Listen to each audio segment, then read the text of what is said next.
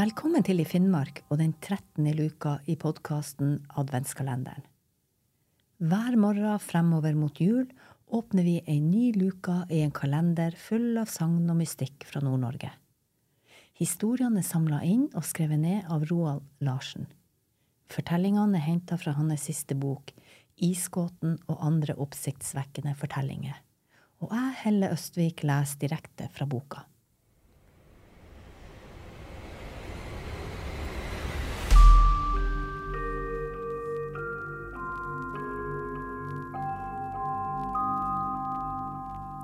Vi åpner adventskalenderens 13. luke med historien Urolig hus i Kåfjorddalen.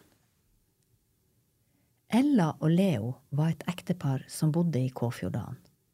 Et dalføre i Kåfjord kommune som går mot sørøst innenfor Kåfjordbotn. Både Ella og Leo var født på 1920-tallet. Ella vokste opp her, så her tok hun sine første skritt og levde på den gamle, harde måten som de fleste gjorde på den tida. Ekteparet fikk tre døtre. Dora, Kertu og Emilia.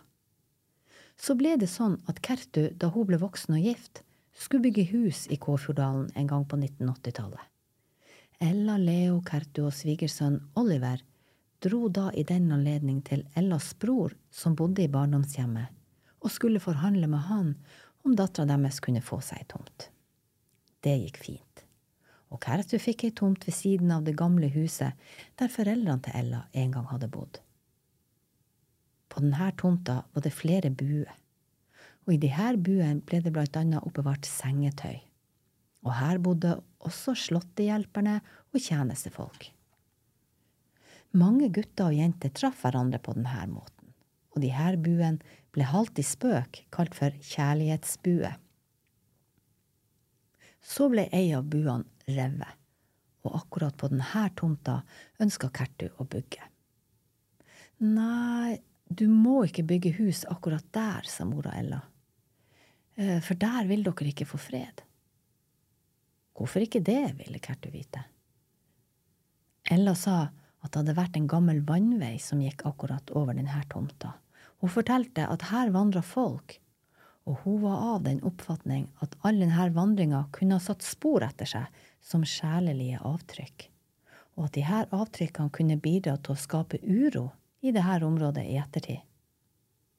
Ella ba derfor dattera og svigersønnen om at de måtte bygge på en litt annen plass, men de ville ikke høre på henne.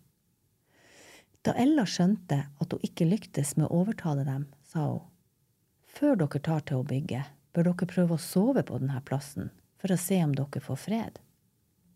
De ville ikke høre på det heller, men gikk bare i gang med å bygge huset. Og i ettertid ble det uro. Da Kertu og Oliver hadde små barn på 1990-tallet, brukte Ella å være der og passe dem når foreldrene var borte fra hjemmet. Huff, det er så ufredelig å være i dette huset, brukte Ella å si til de to andre døtrene. Ella sa at hun brukte å si Jesu navn og Befader vår før hun gikk inn i huset.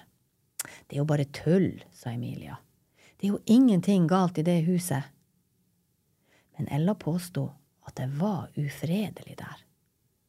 Og når hun begynte å fortelle detaljert om sine opplevelser, skjønte Emilia at det her kunne ikke være noe som mora bare dikta opp. Ella fortalte at en gang hadde hun observert at ei barnevogn hadde flytta på seg på egen hånd.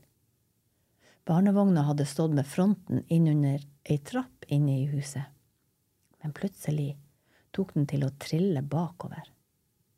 Så hadde vogna dreid seg rundt 180 grader, og deretter trilla ut på gulvet. Ella forsto at det var fysisk umulig at denne vogna på egen hånd kunne bevege seg på den måten.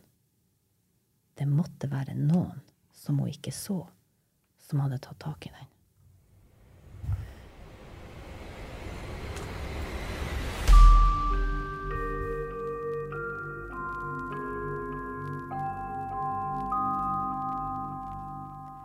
Emilia prøvde å bagatellisere denne hendelsen som mora beretta om, men sa samtidig at dersom vogna hadde trilla på en sånn måte som mora skildra det, så var det her en nokså mystisk, mystisk hendelse. En annen gang Ella hadde vært barnevakt for sine barnebarn, hadde plutselig en stol havna rett foran soveromsdøra til en av guttungene. Etter det ville ikke Ella være barnevakt mer. Jeg liker ikke å være alene mer i det huset når ungene sover, sa hun. Ella, Ella var likevel noen ganger barnevakt der, men da var hun der sammen med Dora, den dattera som var eldst. Når mora stadig gjentok at det var så ekkelt å være her, fleipa Dora med henne og sa nei, det er bare å ta seg en god konjakk og legge seg på senga for å sove. Sjøl var Dora av den oppfatning at det var på loftet at det ikke var helt tomt, som hun sa.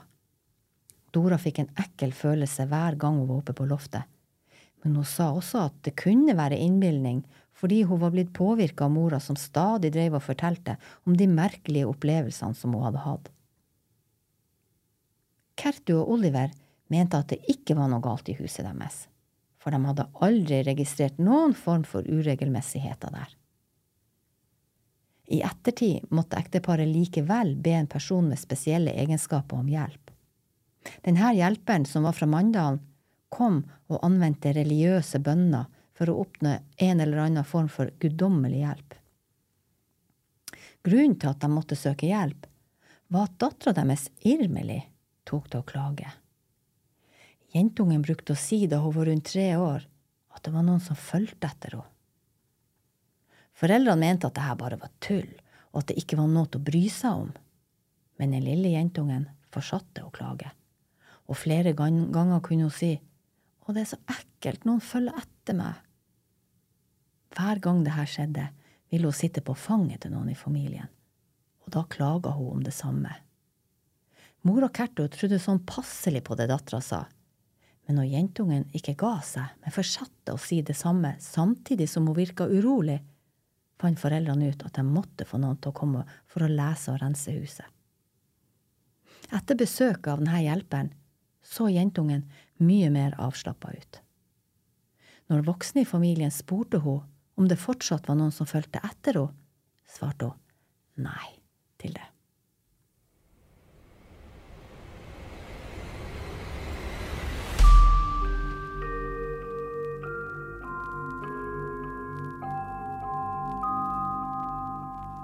Det var 13. luke i Finnmarks podkast Adventskalenderen.